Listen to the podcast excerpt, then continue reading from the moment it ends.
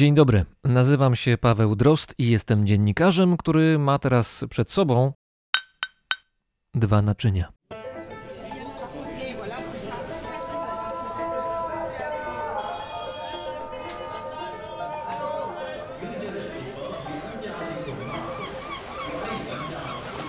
Brzmienie świata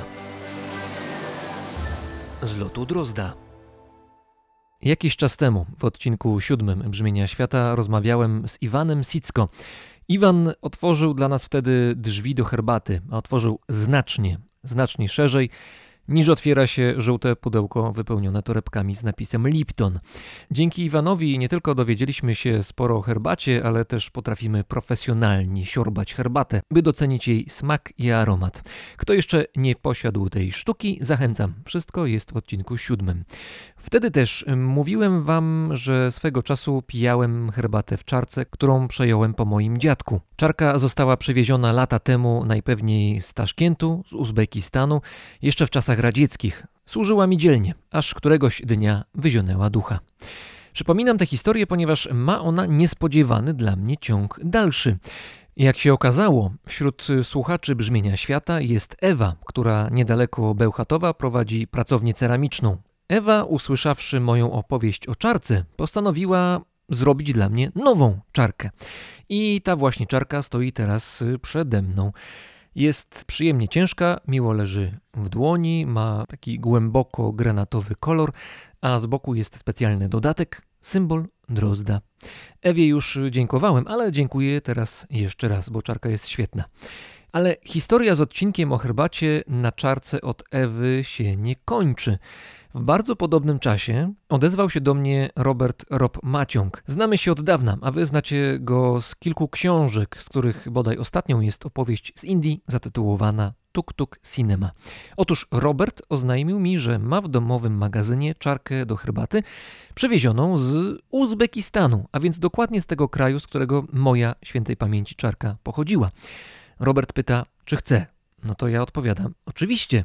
Zresztą o herbacie pijanej w trasie Robert niemało wie, w końcu jest też autorem książki Tysiąc szklanek herbaty. Ta czarka również jest przede mną. No właśnie, stylem podobna jest do tej, którą miałem po dziadku. Zdobienia są nieco inne i kolor też inny, ale widać, że miejsce pochodzenia to samo. Dzięki Robercie. Teraz czas, żebym w końcu znalazł moment, by spróbować herbatę, którą dostałem w prezencie od Iwana. Iwan podkreślał, że to jest specjalny gatunek, dlatego nie chcę zaparzyć jej byle jak i przypadkowo. Mam już y, oczywiście czarki, mam tę od Roba, mam tę od Ewy, czekam teraz tylko na odpowiednią chwilę. A wy czekacie z pewnością na kolejnych gości brzmienia świata. Tym razem będą nimi Kasia Nizinkiewicz oraz Roman Maksimow.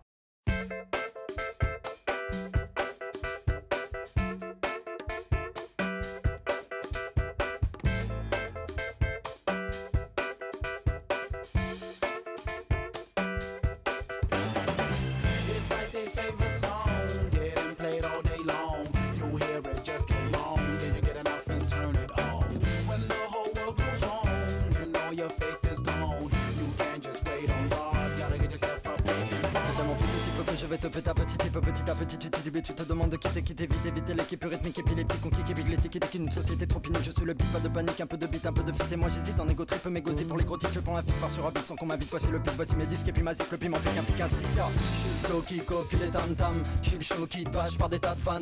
Tête boum et moche pour des tas de femmes, vote sans état d'âme, père sans être un âne. La fin d'un monde man qui se trame, des bombes qui grondent dans mes mélodrames. Minimani, on a les minima sociaux, on perd tous nos idéaux, on vit comme des animaux.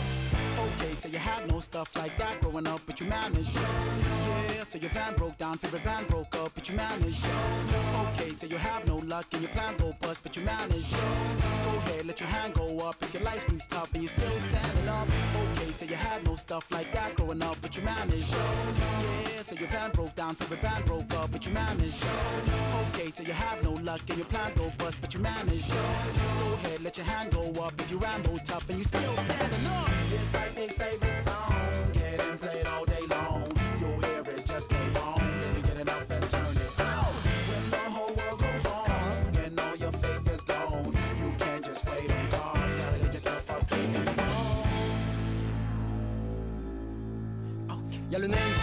les mails en copie, la France qui cotise, la famille qu'on scoltine, les frères qui cantinent, les quelques centimes, la physique quantique et les prix qu'on estime, les gens que l'on tue, les fêtes confettis, les heures de Poutine, le plutonium sushi, guerre, sida, Darfour, Biafra, et puis dans tout ça, l'opinion du kidam. Trop troqué, merde est réelle, quand j'enlève la virgule, la merde est réelle, objectif, chiffre, rafle, école, ADN, fichage, charter qui décolle, ralliement, connivence, collusion, dissension, où tout, tout, si me pose jamais la question, les amours et le cœur, les amis, les tourments, et l'espoir d'une victoire des Dinkas du Soudan. Had no stuff like that growing up, but you managed. Yeah, so your van broke down, favorite band broke up, but you managed. Okay, so you have no luck and your plans go bust, but you managed. Go ahead, let your hand go up if your life seems tough and you still standing up. Okay, so you had no stuff like that growing up, but you managed. Yeah, so your van broke down, favorite band broke up, but you managed. Okay, so you have no luck and your plans go bust, but you managed. Hey, go ahead, let your hand go up if your life seems tough and you still standing up.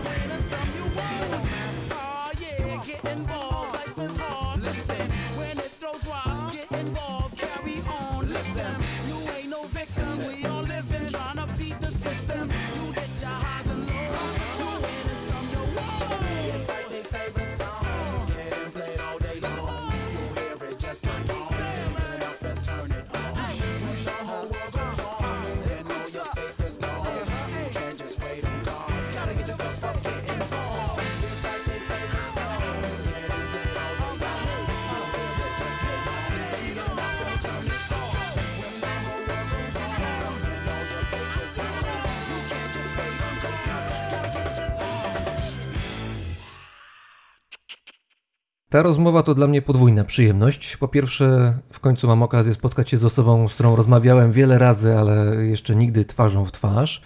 A po drugie, w tle naszego spotkania będzie pierwsza w historii książka, która ma na okładce logo brzmienia świata, brzmieniowy znak jakości. Razem ze mną jest Katarzyna Nizienkiewicz, pisząca i wędrująca fotografka, autorka bloga Kocham Góry oraz współwłaścicielka firmy Kwark. Cześć, dzień dobry. Cześć. Twoja książka, o której przed chwilą wspomniałem, zatytułowana jest krótko Dzikość. Wydawcą są kontynenty, kwartalnik kontynenty. I wczoraj solidnie wiało tutaj na Mazowszu, w Warszawie również. Miałaś okazję tego doświadczyć, bo byłaś już w mieście. Były powalone drzewa, były podtopienia. Mogłaś to wszystko obserwować i zastanawiam się, czy tak silny wiatr i tak trudne warunki atmosferyczne wywołują u ciebie wspomnienia ze szlaków, gdzie było może jakoś podobnie, a może zupełnie inaczej. Wywołują zachwyt. To była piękna burza. Wiesz co, na szlaku to wygląda tak, że człowiek przed tą burzą raczej się zastanawia, gdzie by się schował wcześniej. Bo chowanie się w czasie burzy to się kończy bardzo różnie. Raz nas już trafił piorun, także Jak to trafił piorun? szliśmy z Hosa, nie ma chyba tego w książce. Schodziliśmy do Andory, burza była po stronie francuskiej i myśleliśmy, że przejdziemy przez grań i się odetniemy od tej burzy, bo w Pirenejach to była główna grań. W Pirenejach rzadko kiedy pogoda przechodzi przez główną grań. Więc sobie zeszliśmy na stronę andorską, to było trudne zejście w rakach, to była już wiosna i Jose się odwrócił i mówi do tej burzy, no to papa burzo, już nas tutaj nie dotkniesz, jesteśmy w Andorze. I w tym momencie łupnął piorun, gdzieś strasznie blisko. Wrażenie było takie, jakby balon z wodą uderzył w głowę, przyszedł nas taki metaliczny smak w ustach, właśnie jakby prąd troszeczkę. Staliśmy na ziemi, już nie na tym śniegu, zeszliśmy. Jose dostał mocniej, bo miał w ręku aparat, aparat się spalił, ale karta pamięci się odzyskała. Jeszcze telefon mu się zepsuł, który był w kieszeni, myśmy byli mokrzy, więc to takie dość duże przewodzenie było. On był taki dość ogłupiały przez cały dzień, ale wieczorem doszedł do siebie i wrócił do domu, bo on już wracał, a ja zostałam. Był szczęśliwy przez pół roku, podobno tak działają promienie. że generalnie wspominamy to bardzo dobrze. No. Bardzo dobrze wspominasz trafienie piorunem, ale polecasz to, czy raczej niekoniecznie? Wiesz, no nie wiemy, czy to się zawsze tak samo skończy, więc no Mhm. nie mogę powiedzieć, że polecam, ale raczej potem mieliśmy zwyczaj, żeby unikać. To może zabić, ale musiał trafić prawdopodobnie w ten mokry grunt, gdzieś parę metrów od nas. Myśmy byli jakieś może 5 metrów od takiego strumyka, który spod tego śniegu wypływał. Tak bardzo lało, wszędzie była woda, więc no nie, nie zauważyliśmy tego momentu trafienia, tylko to dziwne uczucie takie. Mu ten smak metaliczny też dopiero po paru miesiącach znikł. Po paru miesiącach. Mhm, długo miał. A ja nie, ja mi znikł od razu w zasadzie. Parę godzin i i nie czułam. A mnie jako człowieka od dźwięku interesuje, czy ubytki w słuchu były jakieś, bo to jest Nie. przecież huk potworny. Nie, huku w ogóle nie pamiętamy. Pamiętamy to uderzenie jakby tego balona w głowę, Mhm. Takie jakby dreszcz i to uczucie zadowolenia. Zada- że się przeżyło. Nie wiem, nie, nie, po prostu to tak podobno wpływa, wiesz, takiego zadowolenia. Fajnie. Mojego żona mówiła, że był szczęśliwy przez pół roku. Terapia piorunami. Tak.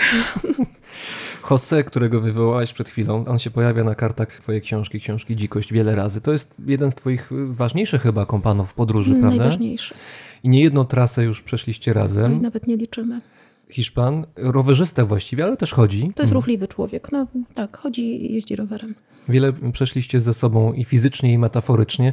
Jak się dobraliście jako partnerzy do wędrówki? Lata temu, 11 lat chyba, spotkaliśmy się w schronisku jesienią w brzydką pogodę, w schronisku w Pirenejach po stronie hiszpańskiej. Wtedy było tak, że zimą w Pirenejach nikt nie chodził. Jak zaczęliśmy w tą brzydką pogodę rozmawiać w tym schronisku, to doszliśmy do wniosku, że to jest bardzo duży błąd, że nikt nie chodzi zimą. To musi się dać zrobić. To naprawdę było bardzo dawno temu i naprawdę nikt nie chodził. I żeśmy się umówili w tymże schronisku w lutym. No i wyszliśmy, tam cała wieś i te służby katalońskie siedziały jak na bombie, bo byli przekonani, że nas tam zabije coś od razu. Ale było tak, że wróciliśmy, nie mogliśmy przejść tak jak zaplanowaliśmy ze względu na właśnie to zagrożenie lawinowe. Ale jak zeszliśmy do Francji w przypadkowym miejscu, to policja nas stamtąd zgarnęła, że już nie wolno w góry, bo jest alarm lawinowy.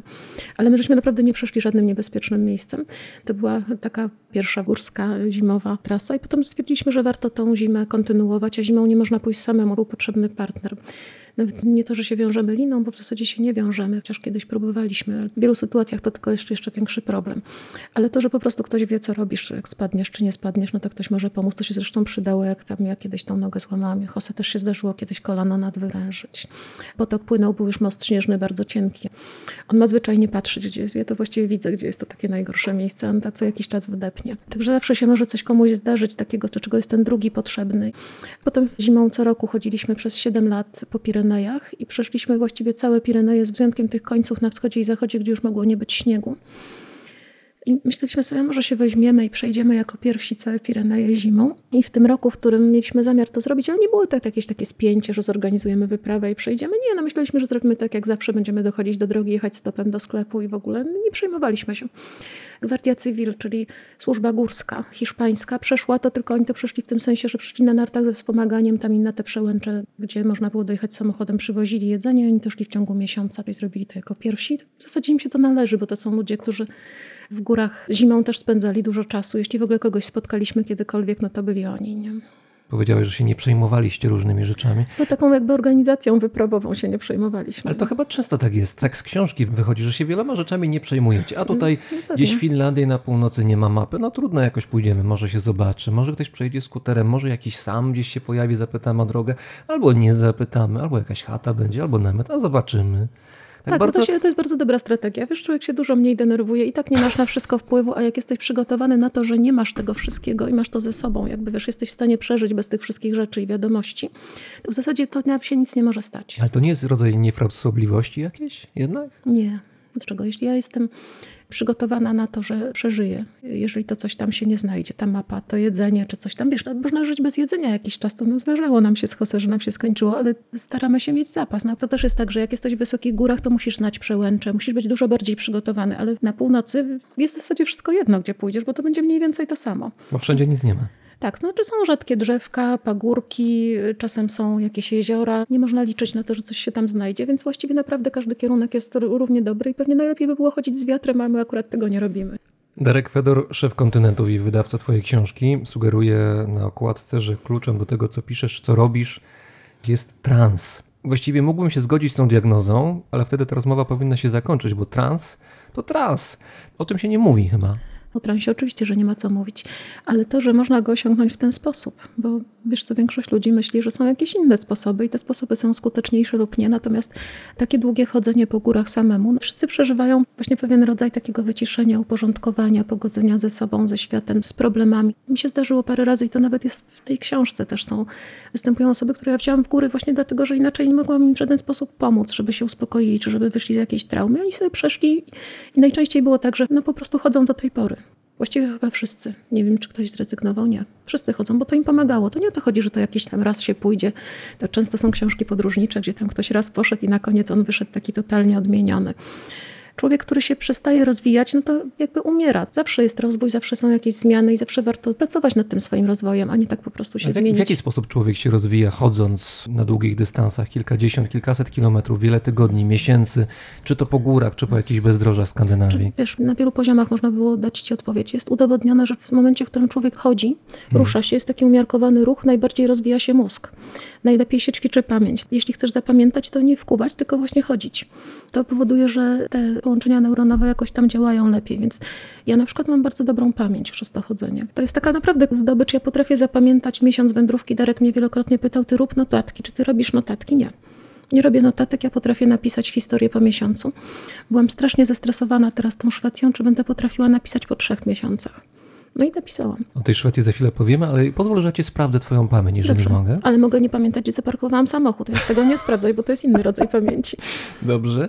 Pomogę ci z tym samochodem, jak skończymy rozmawiać, ale najpierw bym poprosił, żebyś powiedziała, jeżeli pamiętasz, o lisie, który wam towarzyszył, tobie i Jose, bo w książce poświęciłaś mu tylko jeden akapit, a ja mam wielką słabość do lisów, więc chciałbym coś więcej o tym lisie Dobrze. usłyszeć. Mogę ci opisać. Pamięć mam wzrokową, więc będę ci opisywała obraz bardziej. Była taka rzeczka, możliwe, że on tam gdzieś mieszkał, że miał tam gdzieś dostęp do wody, bo lisy często nam pokazują dostęp do wody, bo one pewnie jedzą śnieg, tak jak psy czy inne zwierzęta, ale lubią się napić. I Tu mówimy o Norwegii, Finlandii, mówimy o Norwegii. To było Finnmark Platu, Finnmark Zwida.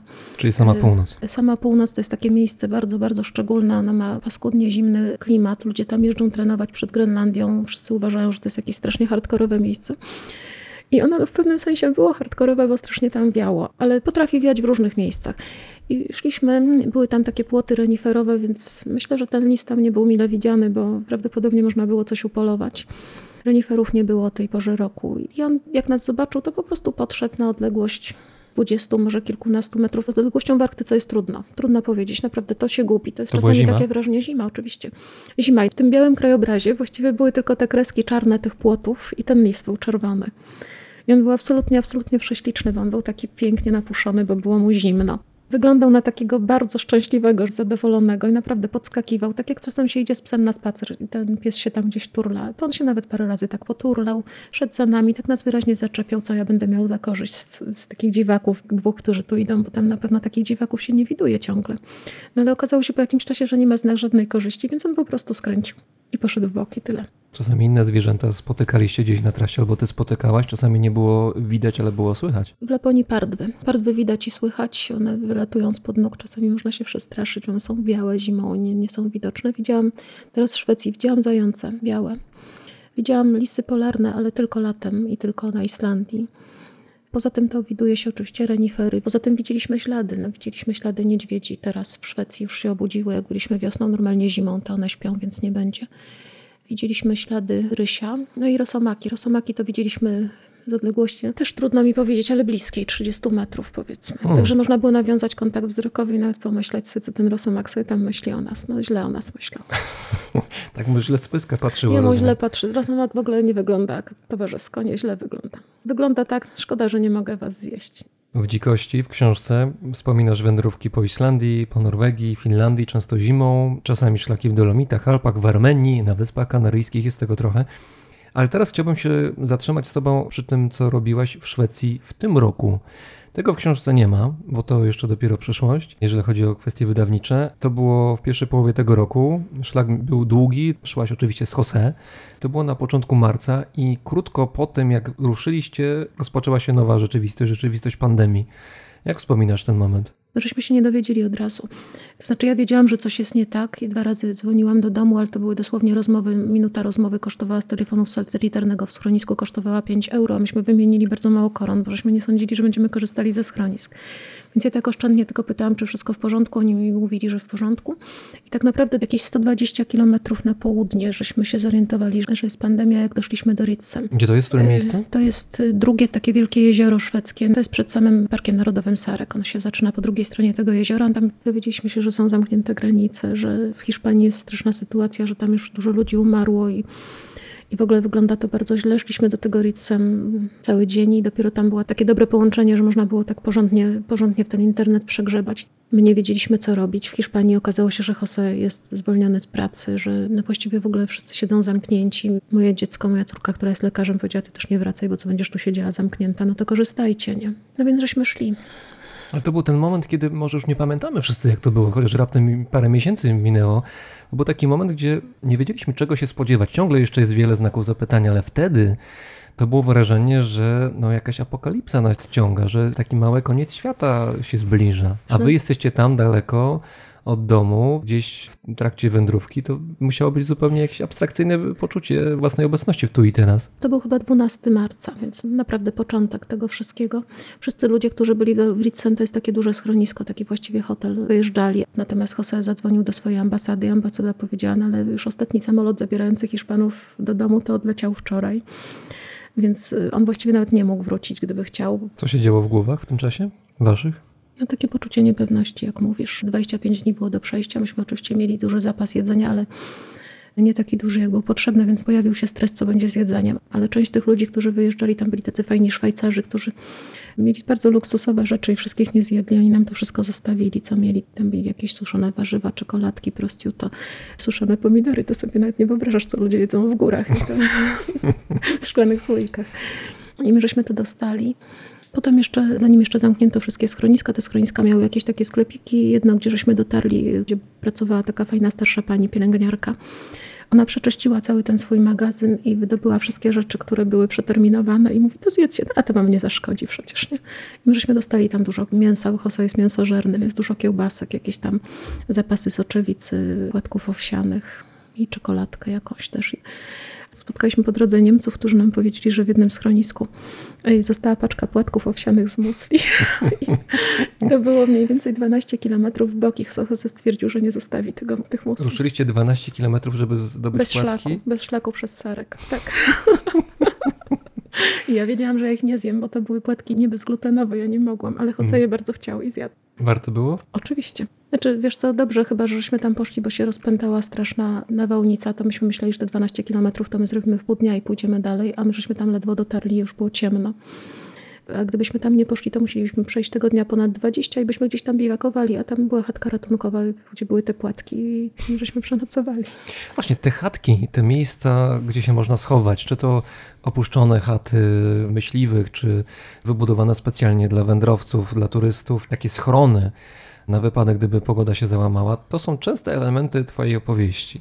Interesuje mnie, jak to wygląda, kiedy się wchodzi do takiej chaty, zakładając, że akurat w danym momencie jest pusta, nie siedzą tam inni i się spotyka jakieś takie artefakty z przeszłości, ludzi, którzy to zostawili, może tacy, którzy zbudowali. Wiem, że raz spotkaliście w Finlandii na północy taką balię do szukania złota, bo tam były tereny złotonośne. Jak to jest? No wiesz, ta balia to akurat przeszkadzała, bo tą balię znalazłyśmy z Agnieszką, wędrując wzdłuż Iwalejoki, złotonośnej rzeki i chciałyśmy bardzo przenocować w tym pomieszczeniu, ale zmieściła się na długość tylko Agnieszka, a ja nie ze względu na balię, bo nie to, że jestem wysoka, no to jeszcze była ta balia. Wiesz co, fajnie jest, to jest jakiś taki element łączności z tymi wszystkimi ludźmi, którzy byli wcześniej przed nami, tymi, którzy będą później po nas. Wszyscy jesteśmy w jakiś sposób połączeni, oczywiście wyobrażamy sobie tych ludzi pewnie lepiej niż oni są naprawdę. Zawsze jest zwyczaj, że jeżeli się sam coś zje, to się zostawia coś innego. Chyba, że człowiek jest w sytuacji no, podbramkowej, no to wtedy oczywiście zjada i tyle. Natomiast jeżeli to jest taki tam spacer, że on idzie i na przykład znajduje powiedzmy buraki, a ma za dużo koperku, no to to wymieni, nie? Chodzisz z koperkiem po górach, Oczywiście i z burakami, także mi to akurat y, raczej tych dwóch rzeczy nie brakuje. Suszonymi oczywiście. Tak, koperek jest ulubioną przyprawą Jose. Tego nie jedzą w Hiszpanii. Ja zawsze przywożę mu koperek w dużych paczkach. Wiesz, nasypiesz koperku do ryżu czy do płatków i ma inny smak. Poza tym jest tak, że ludzie zostawiają sobie kartki. Często są takie wiadomości, na przykład w Gruzji pamiętam, uważajcie most na którejś tam rzece zarwany, nie dnia tego i tego. Albo sobie zostawiają informację, że gdzieś tam otwarty jest nowy sklep. Nie wiedziałbyś, bo nie ma tego jeszcze na, na mapach zaznaczonego. Teraz na przykład w Szwecji znaleźliśmy taką paczuszkę z ostrą papryką, którą ktoś ususzył w domu. Wiesz, to wysyłasz temu komuś błogosławieństwo, nie wiesz kim on jest, nie masz pojęcia. Ja wiedziałam, że Czech, bo się podpisał.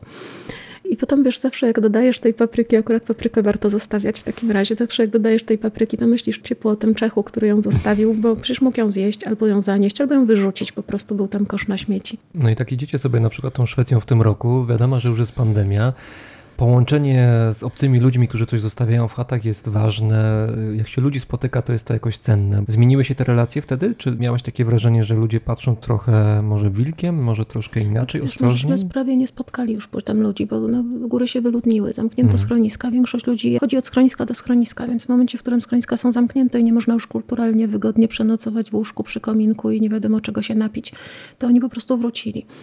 Wiesz, w ogóle w czasie tej pandemii oprócz nas błąkało się jeszcze parę osób, bo trafiliśmy na wpisy Australijczyków z Canberry, którzy pisali, że nie wiedzą, co zrobić w marcu, więc się włóczą.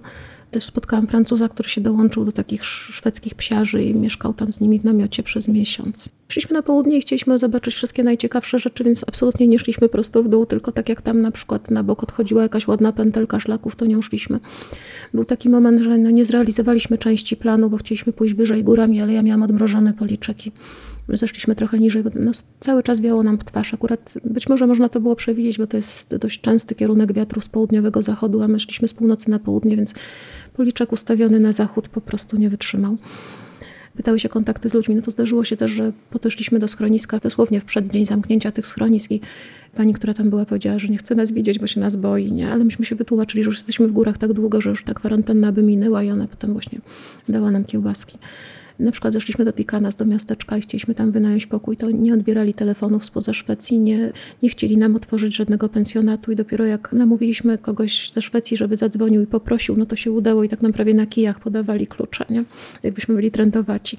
To tak trochę było, ale byli też ludzie, którzy się nas zupełnie nie bali. Dwukrotnie byliśmy zaproszeni do domu, po prostu ktoś nas zaprosił. Wróćmy jeszcze na chwilę do kwestii złota w Finlandii, Dobrze. bo są takie miejsca jeszcze w Finlandii, może w przeszłości bardziej, teraz też trochę chociaż mniej, gdzie złoto się wydobywa. Zresztą w tym roku w jednym z rejonów złotonośnych Finlandii już od tego roku właśnie, od początku tego roku nie można używać ciężkich maszyn, prawda? No tak, no dzięki temu, że nie można tych maszyn używać, to jechałyśmy na tych maszynach stopem, jak ściągano je w zeszłym roku. W tej chwili już nie wolno używać ciężkiego sprzętu, czyli trzeba wycofać wszystkie koparki, wszystkie te takie urządzenia, które są zasilane silnikiem, ale te rury, te wszystkie rzeczy można właściwie, wydaje mi się, zostawić, bo jeśli on dalej jest w stanie przy pomocy łopaty tam narzucać tego mułu, uczy się muł. To nie jest nic takiego, czego nie robiono na Dzikim Zachodzie czy gdziekolwiek indziej. Przy czym to, że robili to koparką, to powoduje, że w tej chwili zamiast takich, wiesz, obłych kształtów, te rzeki mają jakieś dziwne kształty, bo zostały im Dewastacja postępowała. nie wiem, wiesz, na ile to się długo będzie odradzać, no ale no, zostały zmienione kształty tych koryt. Oczywiście optycznie to jest przykre, no i że straszy się zwierzynę. Zawsze jest jakiś tam interes ochrony przyrody i ochrony jakby interesów ludzi, natomiast tutaj on nie jest dla mnie taki oczywisty, bo w tym momencie, w którym byli tam poszukiwacze złota, to rzeczywiście rozkopali ze dwa czy trzy strumyki, ale w tej chwili wyrzucono poszukiwaczy złota, ale zaproszono turystów. W miejscu, gdzie naprawdę nie było w ogóle ludzi, już było chyba 10 tysięcy, a za chwilę będzie więcej.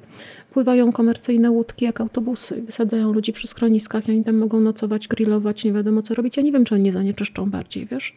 Tych poszukiwaczy złota było kilku. Każdy pracował na bardzo dużym terenie, bo tam nie ma jakiejś dużej ilości złota. To złoto, które wydawało się, że odkryto i że będzie to takie naprawdę Eldorado, to marzenie przepadło jeszcze w XIX wieku. No, w połowie XIX wieku w ogóle odkrycie było tych W połowie miejsc. XIX wieku było odkrycie, potem był taki moment, w którym tam założono urząd w sprawie wydobycia złota, założono jakieś tam osiedla dla tych górników, oni się zjechali naprawdę, naprawdę tłumnie, ale to nie były ilości jakieś takie ogromne i po jakimś czasie, tak jak zresztą napisałam w tej książce, no to, a to któryś się przestawił na produkcję bimbru, bo była bardziej opłacalna i, i poszedł siedzieć, a to kogoś tam zabili, bo się z kimś wydał w knajpie Tak naprawdę ta gorączka złota trwała po parę lat w każdym miejscu, gdzie wybuchała i ona najpierw była nad Iwalojoki, którą żeśmy przeszły z Agnieszką i nad Lemenioki, gdzie to jest w tej chwili w Parku Narodowym i właśnie są te obostrzenia, przy czym to nie jest dokładnie w tym miejscu, gdzie są turyści, chociaż jest takie jedno miejsce, gdzie szlaki poszukiwaczy i turystów się krzyżują i tam jest jakby taki parking tych ich maszyn. Oni zimą jeżdżą na skuterach, latem przypuszczam, że albo pływają łodzią, albo na kładach, bo muszą to jakoś przetransportować też. Nie wspomnieliśmy tutaj, mówiąc o północnej Skandynawii, czy w tym momencie konkretnie o północnej Finlandii, o tych, którzy może baczniej niż inni obserwują stan naturalny tych terenów. Mam na myśli samów.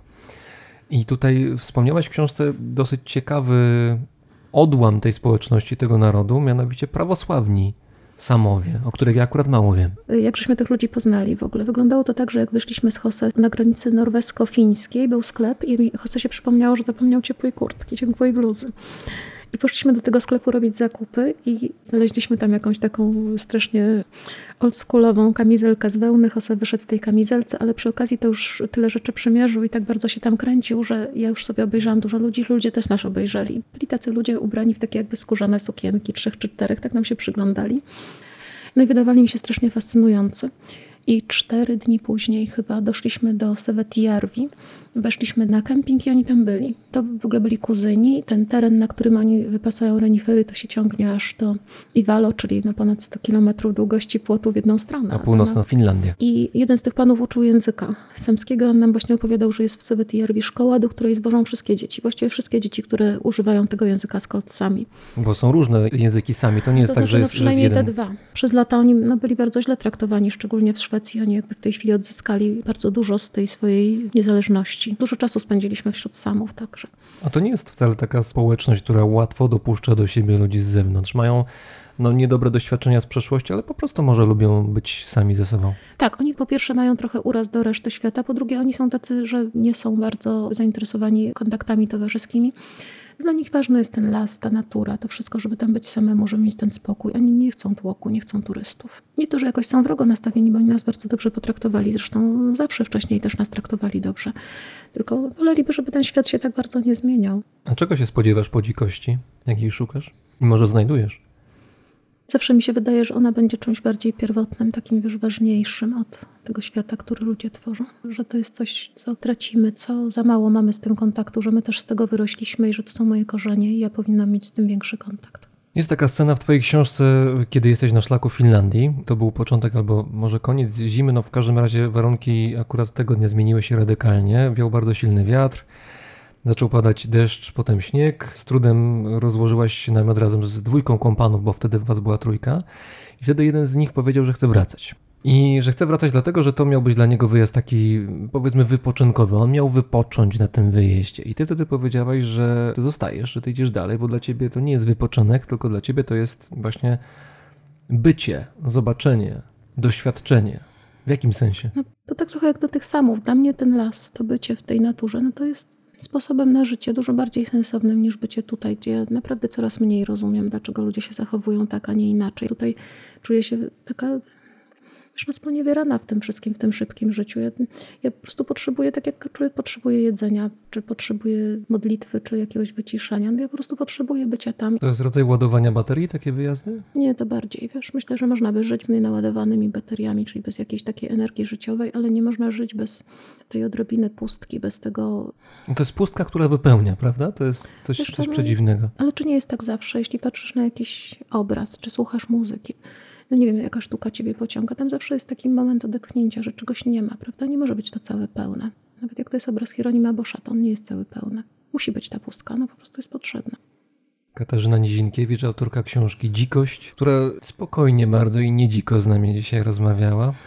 Wędrująca i pisząca fotografka, autorka bloga Kocham Góry i współwłaścicielka firmy Kwark. Bardzo dziękuję. Ja również.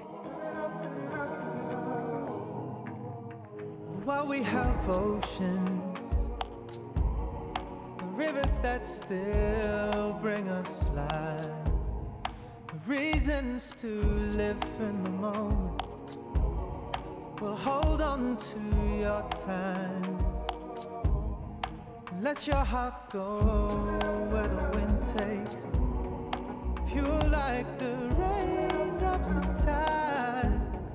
And follow the path where it takes you straight down the line. Ladies and gentlemen, surely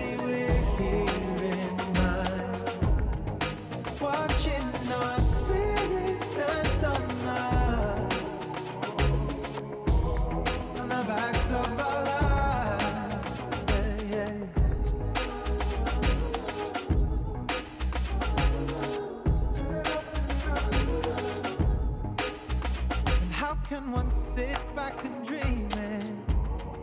Well, I'd have no peace in my life.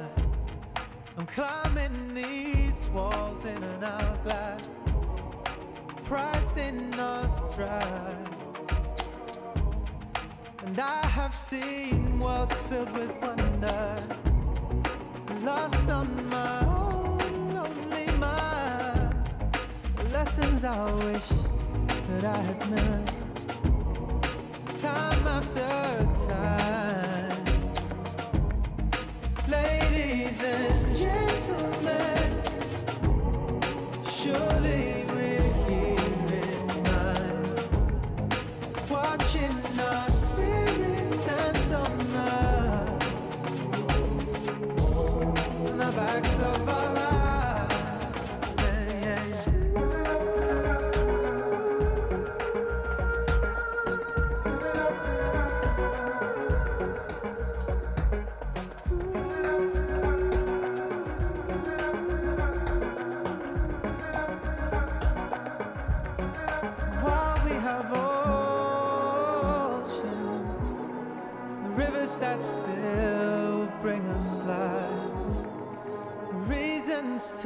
dance in the moment. Well, hold on to your time. Come fill up your souls with our blessings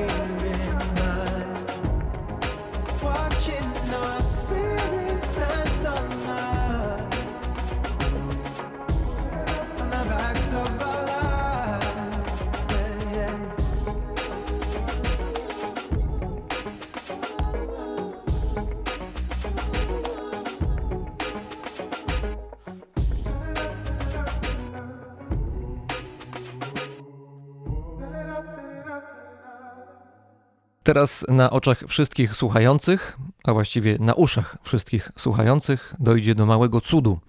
Połączymy się mianowicie z miejscem, które nie istnieje. I z tego nieistniejącego miejsca odezwie się teraz Roman. Dzień dobry, witaj, cześć. Dzień dobry, dzień dobry. Roman Maksimow, którego na YouTubie można znaleźć pod hasłem Roman Fan Polszy. Tam możecie obejrzeć jego vlog poświęcony przede wszystkim Naddniestrzańskiej Republice Mołdawskiej. Vlog prowadzony w języku polskim, co ciekawe. Do tego wątku jeszcze wrócimy.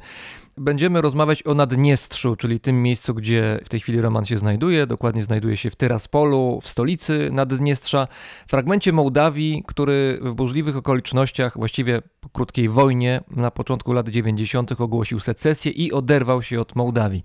Do dzisiaj Naddniestrze ma status państwa nieuznawanego, a więc z punktu widzenia społeczności międzynarodowej nie istnieje, a jednak istnieje, działa, funkcjonuje na pół miliona mieszkańców Naddniestrza macie u siebie naprawdę skomplikowaną mieszankę narodów, no bo mamy Mołdawian, mamy Rosjan, Ukraińców, Bułgarów, są też Żydzi, są też Polacy, więc to jest taka mieszanka, która powoduje, że na pół miliona mieszkańców to nie wiem, czy Naddniestrzanin, czy w ten sposób tak się ktoś identyfikuje, czy ty na przykład nazywasz siebie sam Naddniestrzaninem, a jeżeli tak, to dlaczego? Masz rację, że tu jest taka mieszanka raczej narodowa i nie ma takiego określenia Naddniestrzanin, bo jak po rosyjsku to brzmi Pridniestrowiec, bo u nas ten kraj się nazywa Pridniestrowie.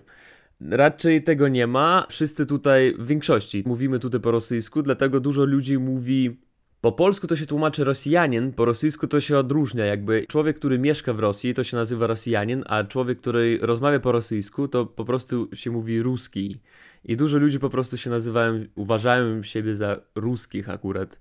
Nie za Rosjaninów, nie za mieszkańców Rosji, a za ruskich. A ty jak na siebie patrzysz? W jaki sposób? Też mam rosyjskie nazwisko, rozmawiam po rosyjsku, to jest mój język ojczysty, więc jak ktoś mi zapyta stąd, kim jesteś, to raczej i nawet u mnie w paszporcie naddniestrzańskim jest tak napisane ruski. Jeżeli pytasz mnie, to też jest częścią tej mieszanki narodowej, bo mam Ukraińców, Rosjanów, nawet Rumunów. Moja babcia się urodziła w Rumunii, więc różne narodowości. Masz paszport i w tym paszporcie jest coś napisane, a jakim cudem masz paszport państwa, który nie istnieje? Jak miałem 16 lat, to po prostu sobie robisz tutaj paszport. Nie jest obowiązek, ale możesz to zrobić. Dużo ludzi tutaj mają jakikolwiek inny paszport, bo naddniestrzański paszport, masz rację, nie istnieje. Ten paszport tylko się używa w środku Naddniestrza. Działa jak dowód osobisty. Na przykład do Mołdawii istnieje tylko granica naddniestrzańska, dlatego jak widzą, że masz tylko naddniestrzański paszport, to możesz dalej jechać, bo dalej nie ma już posterunku mołdawskiego, tylko posterunek policji mołdawskiej. Oni nie sprawdzają paszporty.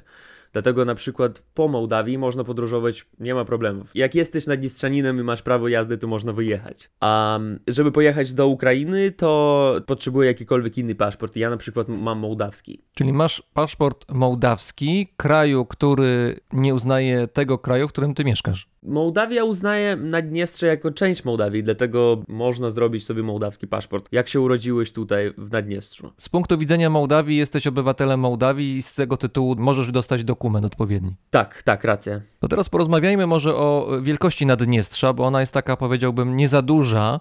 Właściwie to jak w Naddniestrzu wsiądziesz na rower, a wiem, że czasami jeździsz na rowerze, to tak musisz uważać, żeby się nie rozpędzać, bo można łatwo wyjechać poza granicę. tak, to jest prawda. Teraz mi się skończyły nawet pomysły, gdzie można pojechać. Jest tak, że od granicy ukraińskiej do granicy mołdawskiej są miejsca, gdzie tylko się dzieli droga po prostu, więc po prawej stronie się znajduje pole mołdawskie, po lewej stronie pole ukraińskie i czasem, no masz rację, że można po prostu wjechać w inne państwo, nawet tego nie wiedząc. Gdybym przyjechał do Naddniestrza, to co byś mi mógł mm, zaproponować, żebym zobaczył? Coś, co spowoduje, że trochę poczuję klimatu naddniestrzańskiego. Tutaj nawiązuję trochę do takiej opinii obiegowej, która jest od Naddniestrzu, że to jest taki trochę, powiedziałbym, no, poradziecki park jurajski, taki skansen trochę. Czy tak jest w rzeczywistości w tej chwili? Oj, byś się zdziwił, jak to się zmieniło teraz. Naddniestrze tak naprawdę, zwłaszcza Tyraspol, centrum miasta, teraz wyremontowali i po prostu to się zmieniło, no zupełnie. My tak też reklamowaliśmy Naddniestrze kiedyś, 5 lat temu, a teraz to ludzie przyjeżdżają raczej mówią, ale u was jest czyściej, nawet czyściej niż w Mołdawii. I raczej zdziwienie. Teraz, przez ostatnie dwa lata, to widzę, turyści przyjeżdżają i są bardzo zdziwieni, jak jest cicho, czysto. I jak ludzie mówią, jak turyści mówią, że ludzie są mili tutaj. Ale rozumiem, że pomniki Lenina w dużej liczbie dalej występują i można się na nie natknąć w różnych miejscach. Tak, pewnie, pewnie. Na każdej wioskę, nawet tylko Tyraspol, główna ulica centralna ma dwa pomnika Lenina. Jak to jest, że Naddniestrzem, państwem nieuznawanym przez społeczność międzynarodową, rządzi szeryf? I to nie jest szeryf wymyślony, to nie jest symbol, tylko tak jest de facto, mimo że szeryf nie jest tutaj osobą, tylko jest instytucją. No, szeryf to jest bardzo ciekawy temat. I temat bardzo ciekawy w tym sensie, że to jest nie do pomyślenia. Jak ludzie przyjeżdżają tutaj, to jest najbardziej taka ciekawa rzecz, którą zawsze tłumaczę turystom. Nawet początek mojej wycieczki jest naprawdę nudny, bo ja tak mówię. Po prawej stronie budynek szeryfa, po lewej stronie też należy szeryfowi. I idziemy dalej, jeszcze jakiś ładny budynek nowy, to są biura szeryfa. Ten sklep to szeryf, tamten sklep to też szeryf. I bardzo ciekawy temat, dlatego że człowiek, który działał w Naddniestrzu, który pracował w Naddniestrzu jako policjant w czasach ZSRR, miał dużo znajomości i po prostu trafił w dobrym czasie, tak, że stworzył monopol. Zaczął powoli kupować wszystkie firmy, które były tak naprawdę państwowe, bo to był Związek Radziecki.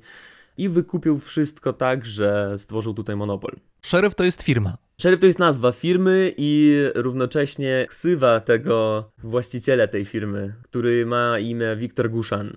I nie jest tylko tak, że szeryf dostarcza mi jajka, mleko, pieczywo i produktu pierwszej potrzeby, ale to jest na tyle silna firma, na tyle wpływowa firma, że ona, można powiedzieć, de facto rządzi Naddniestrzem. Tak, teraz szeryf absolutnie ma władzę w polityce, ma swojego człowieka zaufanego, którego podtrzymywał jako kandydatę wybory prezydenckie, który wygrał. Się nazywa Wadim Krasnasielski. I teraz rządzi krajem. To jest po prostu tak naprawdę, można już powiedzieć, że lalka taka szeryfa, tak, który po prostu rządzi i naprawdę mogę powiedzieć, że zmienia wizerunek Naddniestrza, bo teraz Naddniestrze zrobiło się bardziej otwarte na turystów, budują dużo rzeczy. Budują w centrum miasta, troszeczkę pokazowe, troszeczkę taka wizytówka w centrum Tyraspola, ale przynajmniej coś. Gdybym był turystą, to dlaczego miałbym przyjechać do Naddniestrza? Co powinno mnie tam przyciągać? No już powiedziałeś, że coraz mniej Naddniestrze może się reklamować na zewnątrz jako taki skansen postradziecki. Wobec tego, co powinno mnie tam przyciągnąć? Na pewno zostają wioski. Wioski się nie zmieniają. Wciąż istnieje tam taki, jak mówiłeś wcześniej, ten klimat radziecki. I dużo miejsc tak naprawdę, dużo takich opuszczonych miejsc, opuszczonych fabryk, dużo absurdów nawet radzieckich albo absurdów związanych z tym nieuznaniem Naddniestrza wciąż istnieją, które warto zobaczyć. Taki dworzec, który nie działa, w sensie, który działa, tam siedzi pani w środku, sprzeda bilety, ale żaden pociąg tam nie przyjeżdża i to jest jeden z absurdów. Miasto się nazywa Bendery, taki dworzec istnieje i dużo takich naprawdę pozostałości komunizmu. Ludzie pracują, żeby po prostu mieć pracę, które daje państwo. Ta praca po prostu nie jest potrzebna, tak naprawdę to miejsce pracy nie jest potrzebne dla społeczeństwa. Należysz do młodego pokolenia mieszkańców Naddniestrza. Jak ty i twoje pokolenie widzi swoją przyszłość w kraju, który nie jest krajem, no bo jest nieuznawany, ale jednocześnie jest krajem, bo przecież istnieje i normalnie funkcjonuje i z niego teraz mówisz. Jakie macie perspektywy, jak patrzycie na swoją przyszłość? Wśród moich znajomych my nawet żartujemy, że u nas taka ideologia młodzieżowa jest wyjechać. W sensie wyjechać stąd. I ludzie raczej to robią. Kiedyś to było to duże miasto, Moskwa, i wszystkich tak ciągnięło do tej Moskwy albo do Sankt Petersburgu. Teraz to się zmienia powoli. Ludzie jakby otwierają się troszeczkę na Europę. Ale dużo ludzi tak naprawdę wyjeżdża teraz do Polski i język polski zaczyna się być rozpoznawalny. Ostatni rok, jak pracowałem z Polakami jako przewodnik, to jak jeździłem w taksówkach, to zawsze o, Polsza, Polsza, to ja kojarzę, tak, tak, byłem, pracowałem. I takie reakcje słyszę na ulicach. Polska w sumie tak wcale daleko od Naddniestrza nie jest, bo to tam gdzieś od południowo-wschodniej Polski, od Przemyśla powiedzmy, to jest raptem 400 kilometrów, więc to wcale nie jest tak dużo. Tak. Powiedz w ogóle, jak to się stało, że Polską się zainteresowałeś i dlaczego mówisz tak dobrze po polsku? To wszystko się zaczęło z tego, że pracowałem jako kelner w restauracji centralnej w centrum miasta, w centrum Tyraspola. I to była akurat ta restauracja, do której przychodziło dużo turystów, i dla mnie po prostu ja byłem zdziwiony, dlaczego tutaj ludzie przyjeżdżają, no co tutaj można zobaczyć. Jednak się okazało, że ludzi spoza Związku Radzieckiego byłego ich ciekawi ten klimat i jeden z takich osób, których poznałem w tamtej restauracji to był akurat Bartek bez planu. Mówisz o autorze vloga, który na YouTubie jest. Tak, Bartek bez planu. No, troszeczkę imprezowaliśmy, tak. Koniak albo wódka łączy Słowianów. Dlatego zaprosił mi później do siebie, do Polski i pojechałem po raz pierwszy, wyjechałem. On tak był bardzo zdziwiony, że ja nigdy nie wyjeżdżałem, chociaż mieszkam blisko Europy, a nawet u mnie mentalnie nie było takiej świadomości, że Europa jest bardzo blisko. I pojechałem po raz pierwszy wtedy do Warszawy przesiadkami, pociągami. To była bardzo ciekawa podróż, mi się bardzo spodobało. I rzeczywiście zobaczyłem, że Europa jest bardzo blisko, bardzo blisko tego miejsca, gdzie mieszkam. I postanowiłem, że trzeba nauczyć się języka i wyjeżdżać, bo był to jednak szok dla mnie kulturowy, jak przekroczyłem granicę. A ten szok wynikał z tego, że więcej było na półkach sklepowych, czy z czegoś innego? Raczej nie, raczej jak się ludzie zachowują, stan dróg, podejście do estetyki, takie inne, po prostu takie inne. Nawet nie odróżniam tylko Naddniestrze, bo ja jednak przyjeżdżam przez Ukrainę i dla mnie po prostu ten cały taki wschód to jest jakby jedna estetyka, jedna kultura, jedno podejście do wszystkiego. Nie byłem dalej na zachód Europy, dlatego mówię tak teraz, że Polska, a wschód i tak porównuję. Po przekroczeniu granicy tak, od razu widać, nawet te budynki, nawet te bloki, to u nas każdy sam sobie robi, jaki chce kolor. Później to wygląda jak nie wiem, taka tęcza, tak? Po prostu te bloki nie wyglądają tak ładnie jak u was, bo u was wszystko w jednym kolorze to zrobione. I to mi zaskoczyło od razu. No, oczywiście stan dróg, chociaż Naddniestrze to nie są aż tak źle, ale jak przyjeżdżasz przez Ukrainę, to tak, to jednak widać różnice. Jak wchodzisz do baru, wszyscy mówią dzień dobry i głośno i to dla mnie było wow. U nas też się mówi, ale no jak trafisz. Może z 10% mówi głośno dzień dobry, ale wszyscy mówią tak, dzień dobry, dobry. No tak cicho, a u was to od razu słychać, oni jakby wyraźnie tak mówią dzień dobry, to dla mnie był szok kulturowy, że ludzie głośniej rozmawiają ze sobą, że mają jakby więcej wolności w siebie, w środku siebie. U nas też jest wolność z jednej strony, ale ludzie sami nie rozumieją, że oni mają tą wolność. Oni sami jakby sobie zamykają się w sobie po prostu. Czyli chcesz powiedzieć, że czas w Naddniestrzu trochę, bo to się zmienia, jak sam powiedziałeś, ale trochę się zatrzymał, to wynika nie tylko z tego, że no, skomplikowana jest sytuacja wewnętrzna, ale że może ludzie w swoich głowach są jakoś trochę zamknięci. O tak, na pewno, na pewno, tak. I sam byłem, sam byłem tam, w sensie, że nie rozumiałem tego konceptu podróży w ogóle, nie rozumiałem, że trzeba i warto podróżować, że warto wyjeżdżać, żeby zobaczyć świat i dużo ludzi tak naprawdę tego nie wie tutaj. Jak opowiadam im, jak działa nawet transport publiczny w Polsce, w dużych miastach, oni tak wow, ale szok. Ja bym powiedział, że rodzice nastawiają, bo nasi rodzice to nie mieli takiej możliwości podróżowania i oni się bardzo boją. Nawet jak już masz 20 lat, to oni martwią się za ciebie i jak na przykład ja po raz pierwszy wyjeżdżałem, to moja babcia mi mówiła, żeby nie rozmawiał po rosyjsku w Polsce, bo tam ci pobiją, bo ona ogląda telewizję 24 na 7 i tam tak mówią.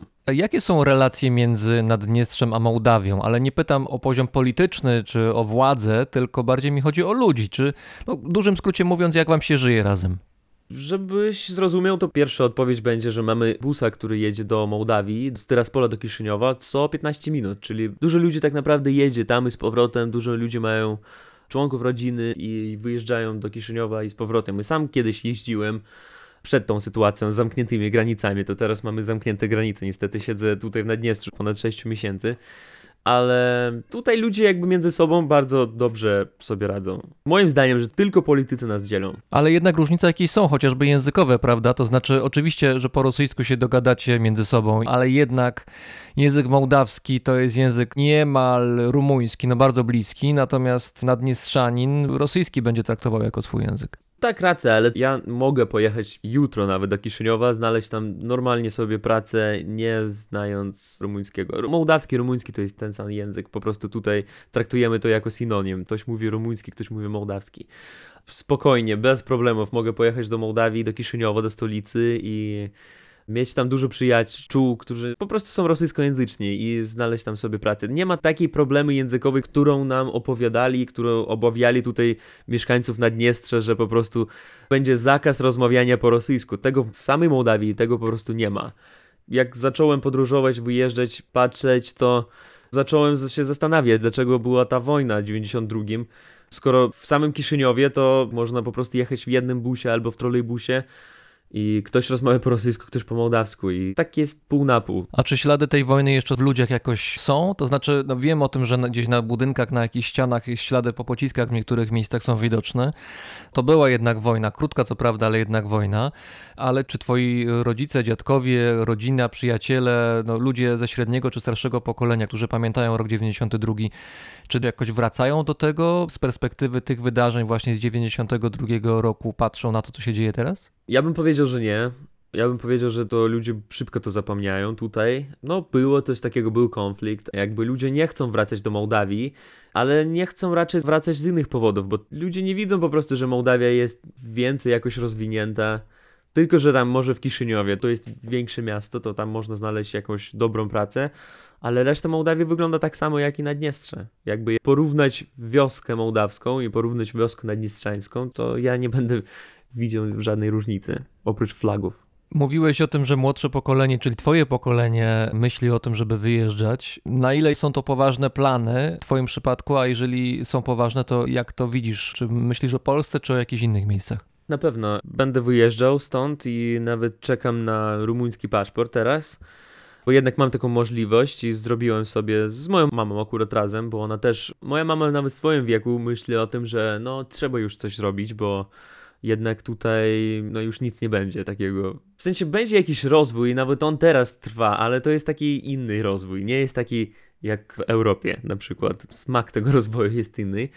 Ale dużo ludzi tak naprawdę wyjeżdża i z mojego nawet otoczenia, to u nas nawet rozmowy tak, cześć, cześć, no co tam, no, No wyjeżdżam za tydzień chyba, nie wiem, no tam gdzieś tam pojadę pracować, tam znajdę gdzieś tam pracę w Europie może. Też będę planował wyjechać jak najszybciej tak naprawdę, bo teraz ta sytuacja z wirusem, dzięki której zamknęli granice i nie wiem ile to będzie trwało. Moim zdaniem to po prostu nadużywają teraz i nie wypuszczają nadziszczanów, żeby kontrolować społeczeństwo. Codziennie słyszę te wiadomości, że coraz więcej zakażeń, ale jak na przykład 2 września u nas było święto niepodległości, to wszyscy wychodzili w centrum ulicy i świętowali, nie było żadnego zakazu. Ale jak to wszystko się skończyło, zaczęli znów zamykać granice, jakby nie puszczać nikogo i teraz mamy obowiązek w sklepach w maseczkach i tak dalej.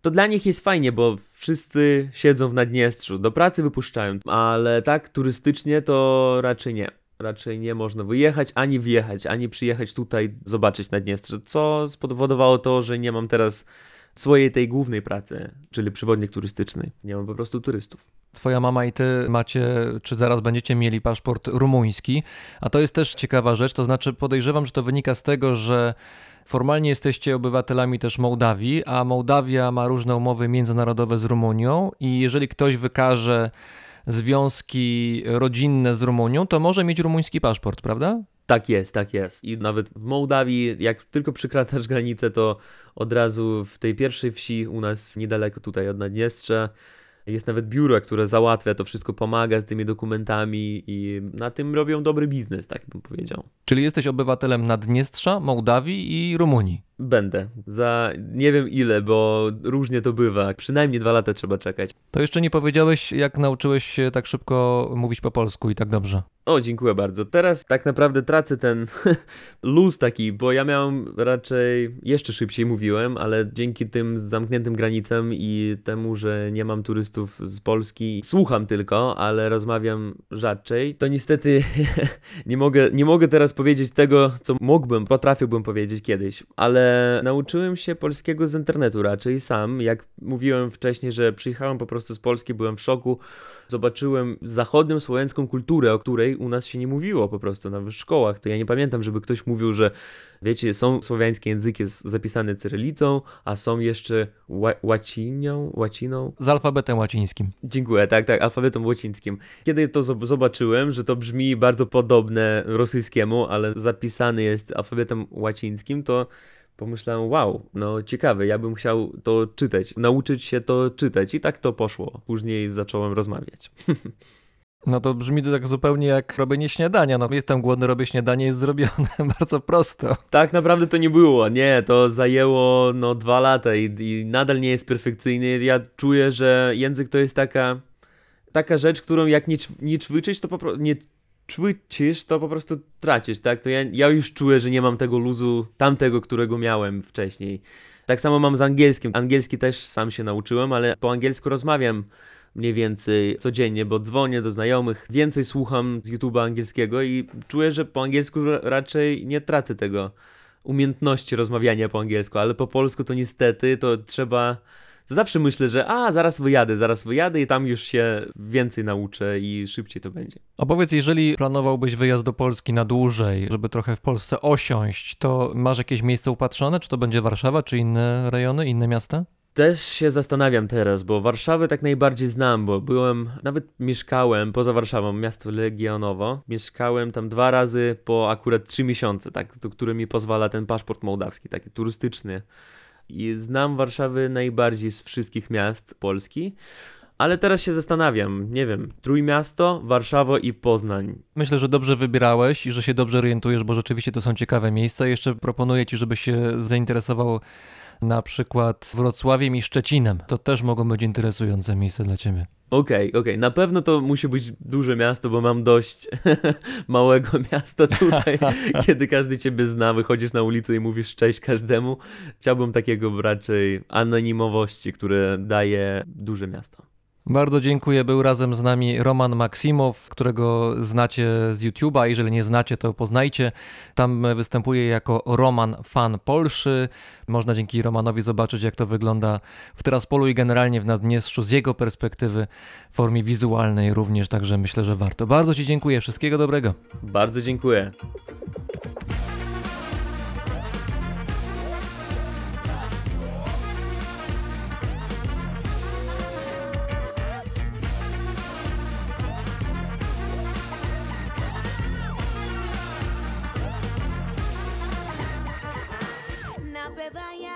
Танцевала. Добрая Балкана, мама Закружила, укачала Грусть печали твою прогнала. Ее губы виноград, персика цветущий сад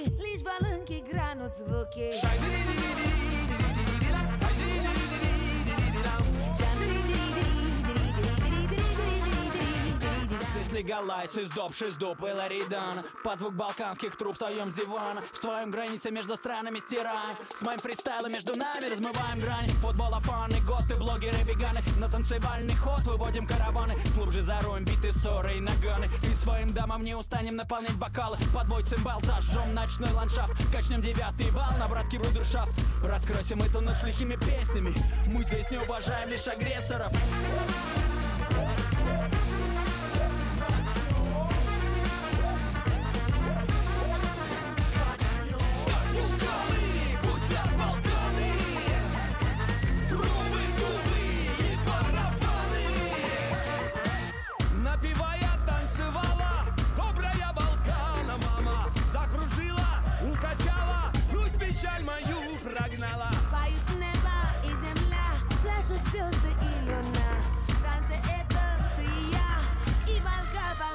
мама В танце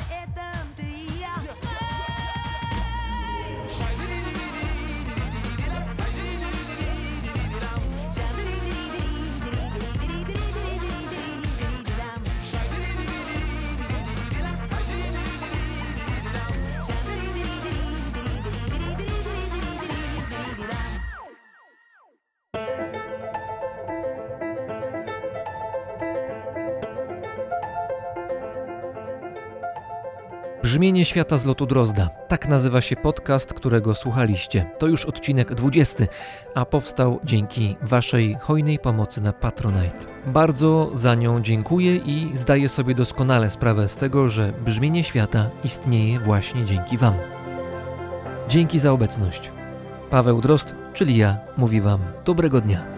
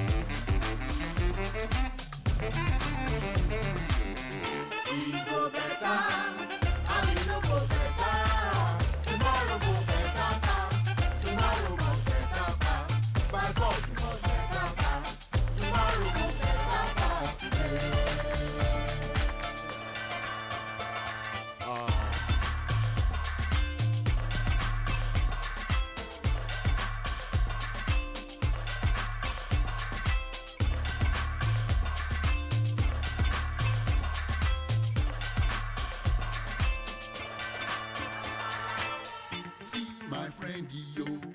I like the bobo. The man he no bitter. He just dey positive. He no get bad belly for them. He no get bad belly for them.